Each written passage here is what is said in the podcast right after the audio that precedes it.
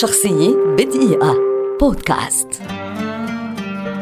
جاك دورسي مبرمج ورجل أعمال أمريكي ولد عام 1976 وهو أحد أشهر وجوه تكنولوجيا التواصل الاجتماعي حول العالم إذ يعرف بكونه مبتكر موقع تويتر. درس في جامعة ميسوري للعلوم والتكنولوجيا قبل أن ينتقل بعد ذلك إلى جامعة نيويورك حيث أتته لأول مرة فكرة تويتر بينما كان يعمل كمبرمج وانتقل لاحقا إلى ولاية كاليفورنيا. واجه جاك الكثير من المخاطر في اجتيازه للصعوبات الكبيرة التي قادته إلى تطوير تويتر والذي حاز على إعجاب الكثيرين واستقطب زوارا أعدادهم بالملايين.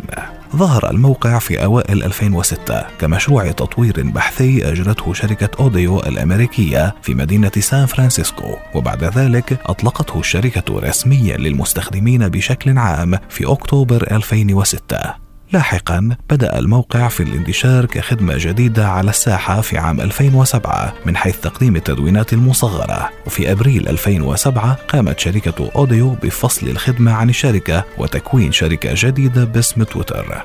في التاسع والعشرين من نوفمبر عام 2021 أعلن جاك استقالته من تويتر بعد أن كان رئيسا تنفيذيا لمدة 16 عاما وقال ذلك بتغريدة في حسابه لست متأكدا من أن أي شخص قد سمع ولكن استقلت من تويتر. هذا وقد تم بيع تويتر بعد ذلك منذ أيام لأغنى رجل في العالم ألان ماسك. شخصية بدقيقة.